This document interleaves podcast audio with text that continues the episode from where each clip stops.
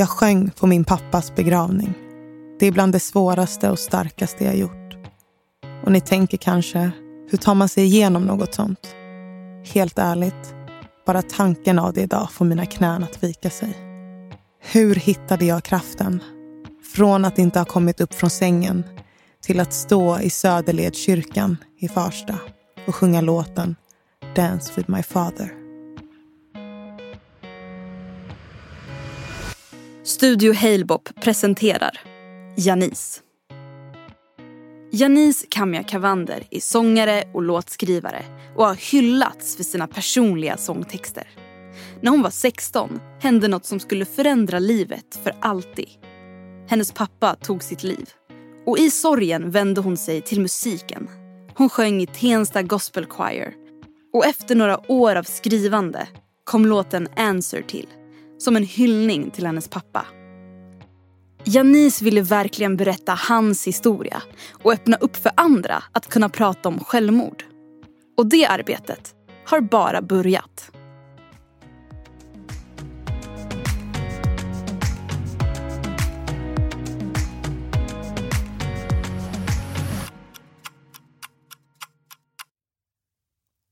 Jag håller hårt om stunderna jag har med dig i bilen på vägen hem från dansen eller fotbollen.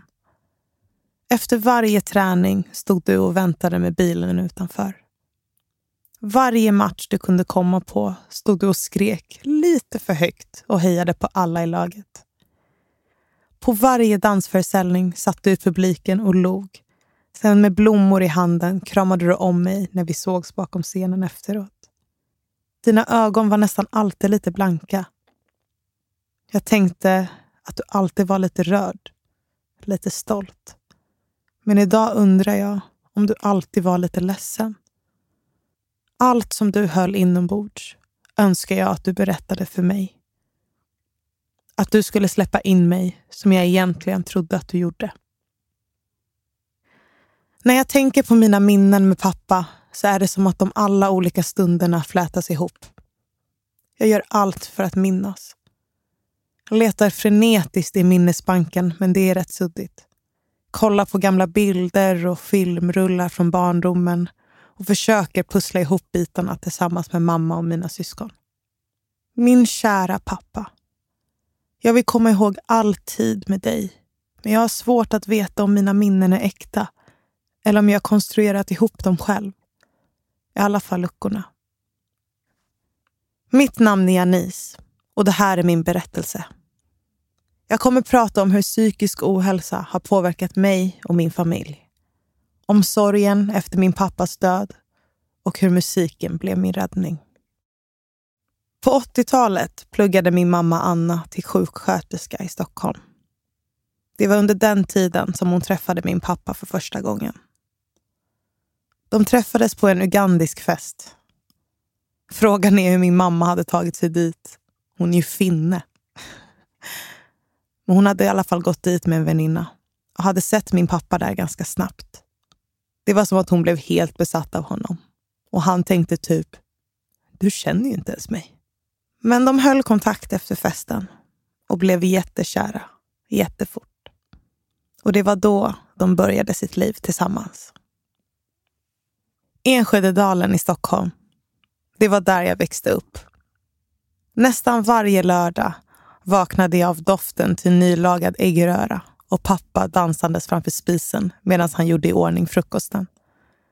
Michael Jackson spelades ur högtalaren och pappa nynnade tyst med. Då och då sjöng han ut på riktigt, till hans favoritdelar i låten. Och om jag hade haft någon vän över så hade jag säkert skämts lite. Men sanningen är att jag älskade när han sjöng. Älskade när han blommade ut på det där sättet. Men jag som är så morgontrött behövde några låtar på mig innan jag kunde joina honom. Och då bytte jag till Tragedy av 90-talsgruppen Steps. Jag visste inte ens vad de sjöng. Jag trodde faktiskt att de sjöng Quasity! Och det var ingen som rättade mig. Där kunde vi stå och dansa och sjunga tillsammans innan mamma sa till oss att sätta oss vid bordet innan maten kallnade med ett leende på läpparna. 9 mars 2011. Jag minns den dagen som att det var igår. Pappa var förkyld och hade varit hemma från jobbet några dagar. Och Jag minns hur konstigt jag tyckte att det var. Han blev ju aldrig sjuk. Genom alla år hemma med flera barn som drar med sig vinterkräksjuka efter influensa så blev han aldrig sjuk. Jag satte mig bredvid honom på soffan och frågade hur det var på jobbet. Fick ett ganska kort svar tillbaka, så jag frågar hur han mår istället. Det är någonting i mig som inte vill att konversationen ska få ett slut. Han svarar att det är bra, att det bara är en förkylning. Och sen frågar han hur det går i skolan. En klump bildas i min hals.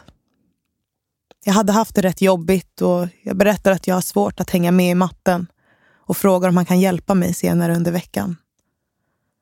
Han svarar med ett varmt leende och säger Det är klart. Du kommer fixa det, Janice. Jag ger honom en kram och säger Jag älskar dig, pappa. Han håller om mig och sen tittar han med lite blanka ögon och säger jag älskar dig, Janice. Vi säger godnatt. Jag lämnar vardagsrummet och går in på mitt rum. Om jag bara visste att det var sista gången jag skulle få höra hans röst, krama om honom och känna hans värme, så hade jag aldrig släppt taget. Nästkommande dagar är väldigt suddiga, som i en dvala. Jag vaknar varje morgon i hopp om att allt ska ha varit en dröm. En jävligt vidrig mardröm. När verkligheten kommer ikapp så svartnar det för ögonen och jag får svårt att andas. Jag kunde inte greppa att han var borta. Jag kunde inte greppa att min pappa tagit sitt liv. Övergiven, arg och helt jävla förkrossad. Inom mig så växte en enorm sorg som jag inte visste hur jag skulle hantera. 16 år gammal och hela min värld rasade inom loppet av några timmar. Extrema overklighetskänslor och hjärnan förstår inte alls vad som har hänt. Inget i min tillvaro stämmer längre. Dagarna hemma är långa och känns outhärdliga. Det är människor runt omkring oss konstant. Vänner och familj som ser till att vi äter, sover och duschar. Vi pratar och delar minnen om pappa och jag kommer på mig själv skratta för första gången på länge. Min älskade pappa. Min glada, varma, lugna, starka och tramsiga pappa. Det är så vi minns dig. Jag sjöng på min pappas begravning. Det är bland det svåraste och starkaste jag gjort. Och ni tänker kanske, hur tar man sig igenom något sånt? Helt ärligt, bara tanken av det idag får mina knän att vika sig. Hur hittade jag kraften? Från att inte ha kommit upp från sängen till att stå i Söderledskyrkan i Farsta och sjunga låten Dance with my father.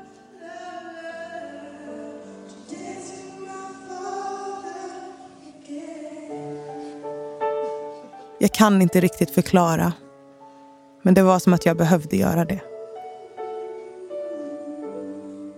Rad efter rad satt vänner, familj och kollegor för att ta farväl av Andrew, Kutesa, Kamya. Och kyrkan var full. Så jävla älskad var du pappa. Jag hoppas att du vet det.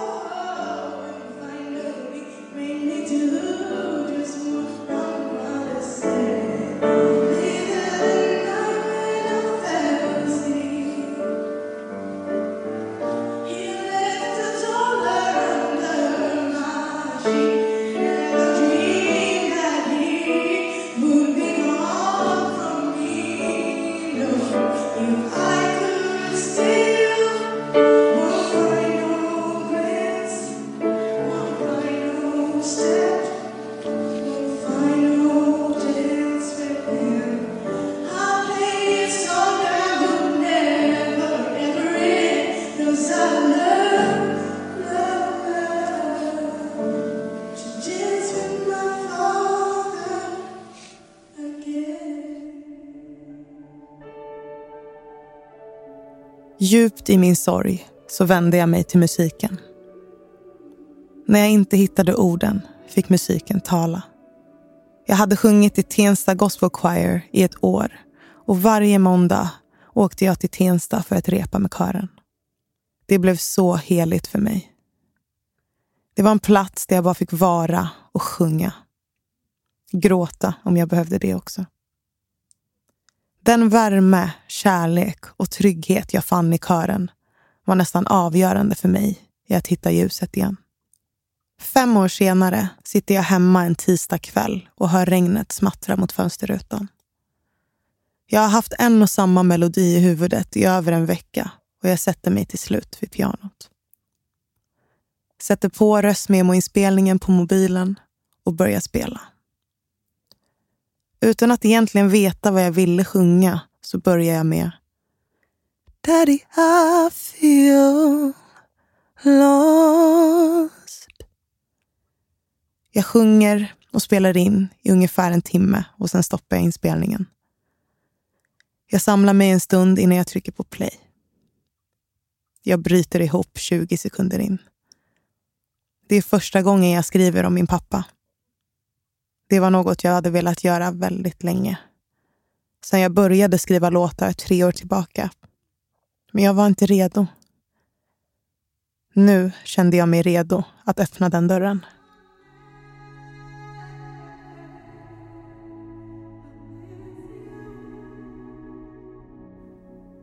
Dagen efter har jag en session med Andreas och Joel. En producent och en låtskrivare jag jobbat med tidigare. I det trygga rummet så vågade jag spela upp det jag hade skrivit dagen innan. Tillsammans så utvecklade vi det jag redan påbörjat och skapar vad som blir min låt. Answer. Efter vår session är det som att en sten lyfts från mitt bröst. En känsla av befrielse. Där blev det så tydligt för mig att musik har en helande kraft. Det dröjer över ett år innan jag väljer att släppa låten. Jag var livrädd över hur den skulle tas emot. Skulle någon kunna förstå? Jag som trodde jag varit personlig i mina texter tidigare förstod då att Answer skulle bli min mest utlämnande låt. Sen dess har jag fått över hundra meddelanden av folk som är anhöriga till någon som tagit sitt liv eller som själva lidit av psykisk ohälsa och självmordstankar. Att andra människor kan finna kraft och ljus ur den låten är så otroligt starkt för mig. Och det väckte någonting. Jag ville göra mer.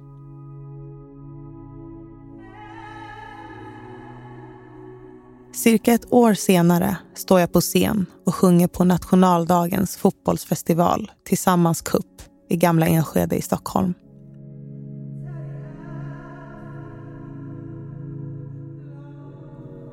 När jag spelat klart så kommer det fram en kvinna och presenterar sig.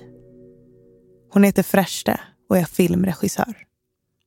Hon berättar att hon ska göra ett porträtt av några av de medverkande artisterna och frågar om jag kan göra en intervju på max fem minuter. Så vi går in i ett av omklädningsrummen och efter 25 minuter kommer vi båda ut lite lätt tårögda. Jag berättade om musiken och dess kraft och varför det är så viktigt för mig att sjunga om det som gör ont. Det blir så att jag pratar om pappa. Även fast jag inte hade tänkt göra det. Det var något med hennes energi som fick mig att öppna upp så snabbt. Och hon lyssnade. Vi kramas hårt och på något sätt känns det konstigt att vi ska skiljas åt nu efter att jag blottat mig på det här sättet. Var jag kanske för ärlig, minns jag att jag tänkte.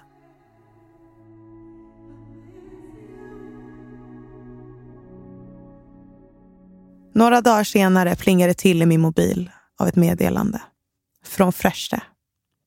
Hon berättar att hon blivit så tagen av min historia och att hon vill göra något större tillsammans med mig. Jag berättar att jag länge velat göra något i förlängning av min låt Answer. Kanske en kortfilm det var som att hon hade läst mina tankar. Och kort därefter började vi spela in. Det gör vi under flera månader och vi har många samtal. Fresh gjorde allt för att skapa ett värdigt porträtt av min historia. Och jag är så golvad över hennes känsla och förmåga att göra det. Tillsammans skapade vi kortfilmen Ode to Andrew. Under inspelningen så pratade vi mycket om hur vi skulle släppa filmen. Och vi kom i kontakt med organisationen Suicide Zero. Efter ett möte med dem fick jag frågan om att vara ambassadör och det kändes så rätt, men också så naturligt på något sätt. 13 februari 2019 släppte vi Ode to Andrew och jag blev ambassadör för Suicide Zero. Daddy,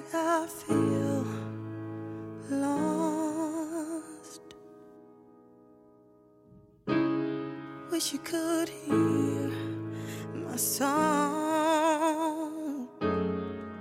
It's been four years without you Never knew time could move so slow It's been four years without you. Daddy, can you cover my soul?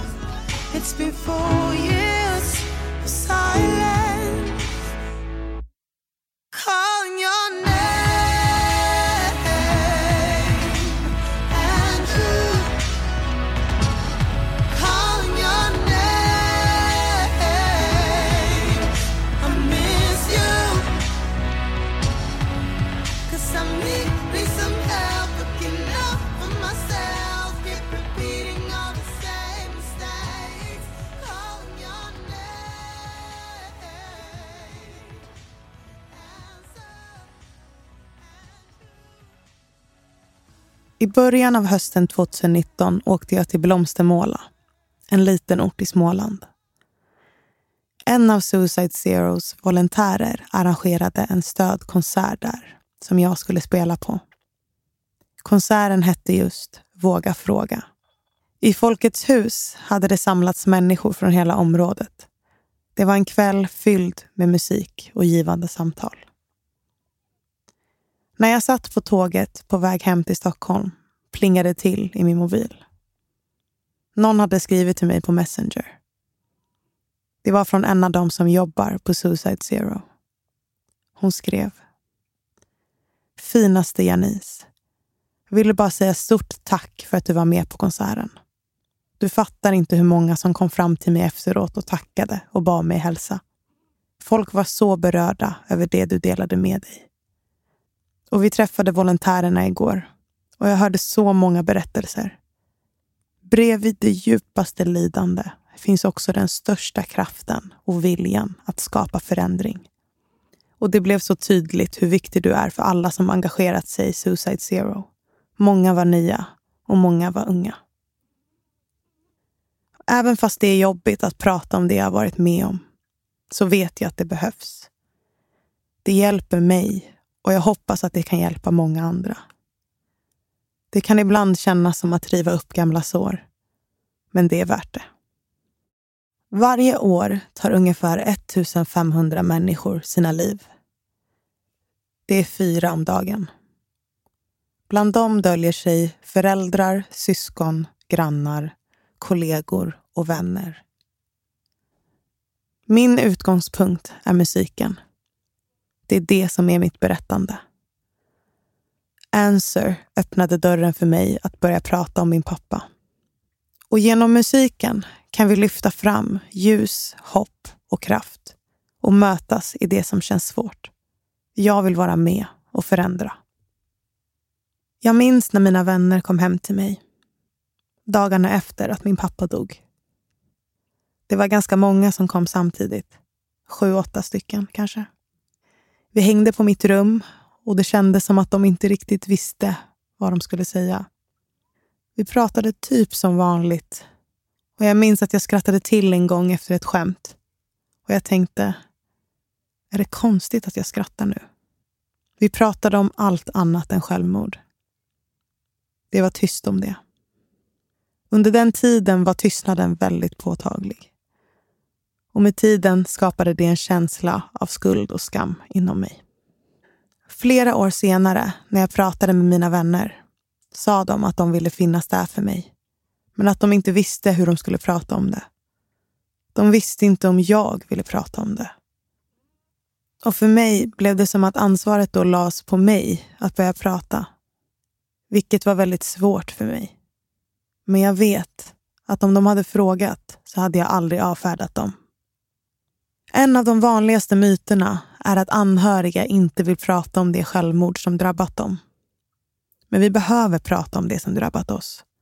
Man behöver mer hjälp och stöd än någonsin. Och det är okej att inte veta vad man ska säga. Att bara lyssna och finnas där för någon kan göra så himla stor skillnad.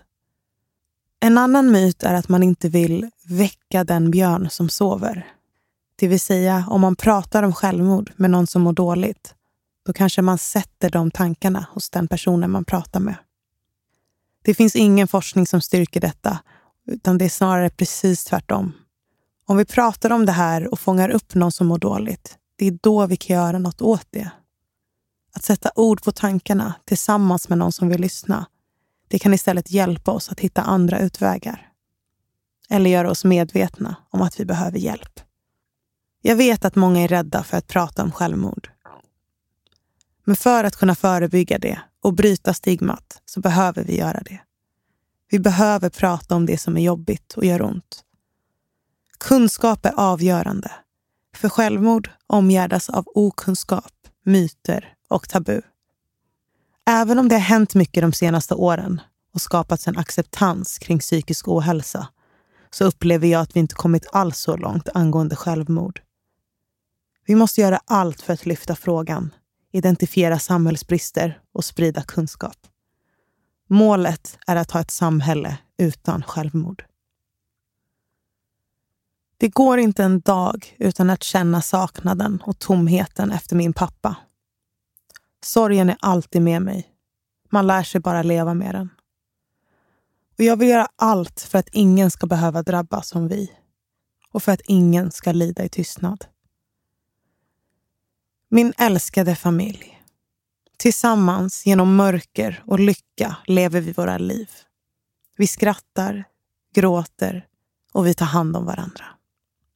Mina fantastiska vänner och mitt livs kärlek.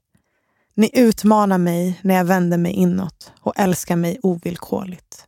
Glad som ledsen. Tack för att ni finns. Pappa. Idag får jag stå på scen tillsammans med ett band med otroligt begåvade människor och släppa musik som jag älskar. Jag önskar mer än allt att du kunde bevittna det. Du är borta, men aldrig glömd. Tills vi möts igen. Musikens kraft för mig är ovärderlig. Det är mitt språk och jag kommer fortsätta använda det för att bearbeta, berätta och belysa. Jag kommer aldrig sluta använda musiken för att sprida hopp och ljus. Jag vill fortsätta skriva om det som vi var med om och fortsätta berätta om pappa. Jag har egentligen bara börjat.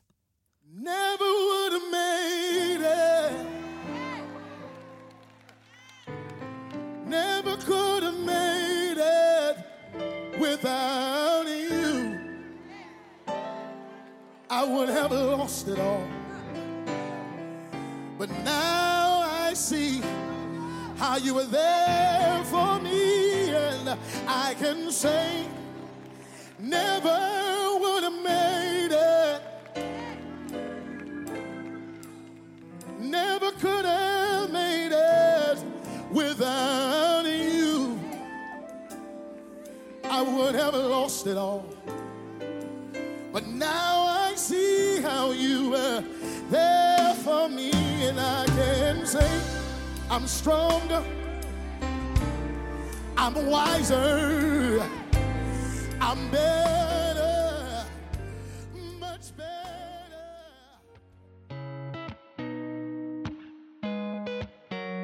Om du mår dåligt och behöver hjälp så ska du prata med någon. Du kan ringa Minds självmordslinje på telefonnummer 90 101 eller skriva på chattlinjen på mind.se.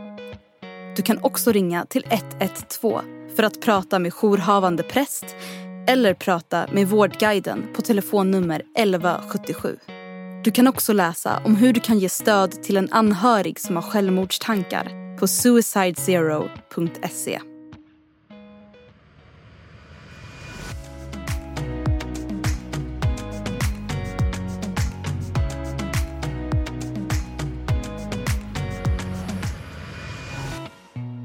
Du har lyssnat på Studio Halebop. En podd som produceras av produktionsbolaget Soundtelling.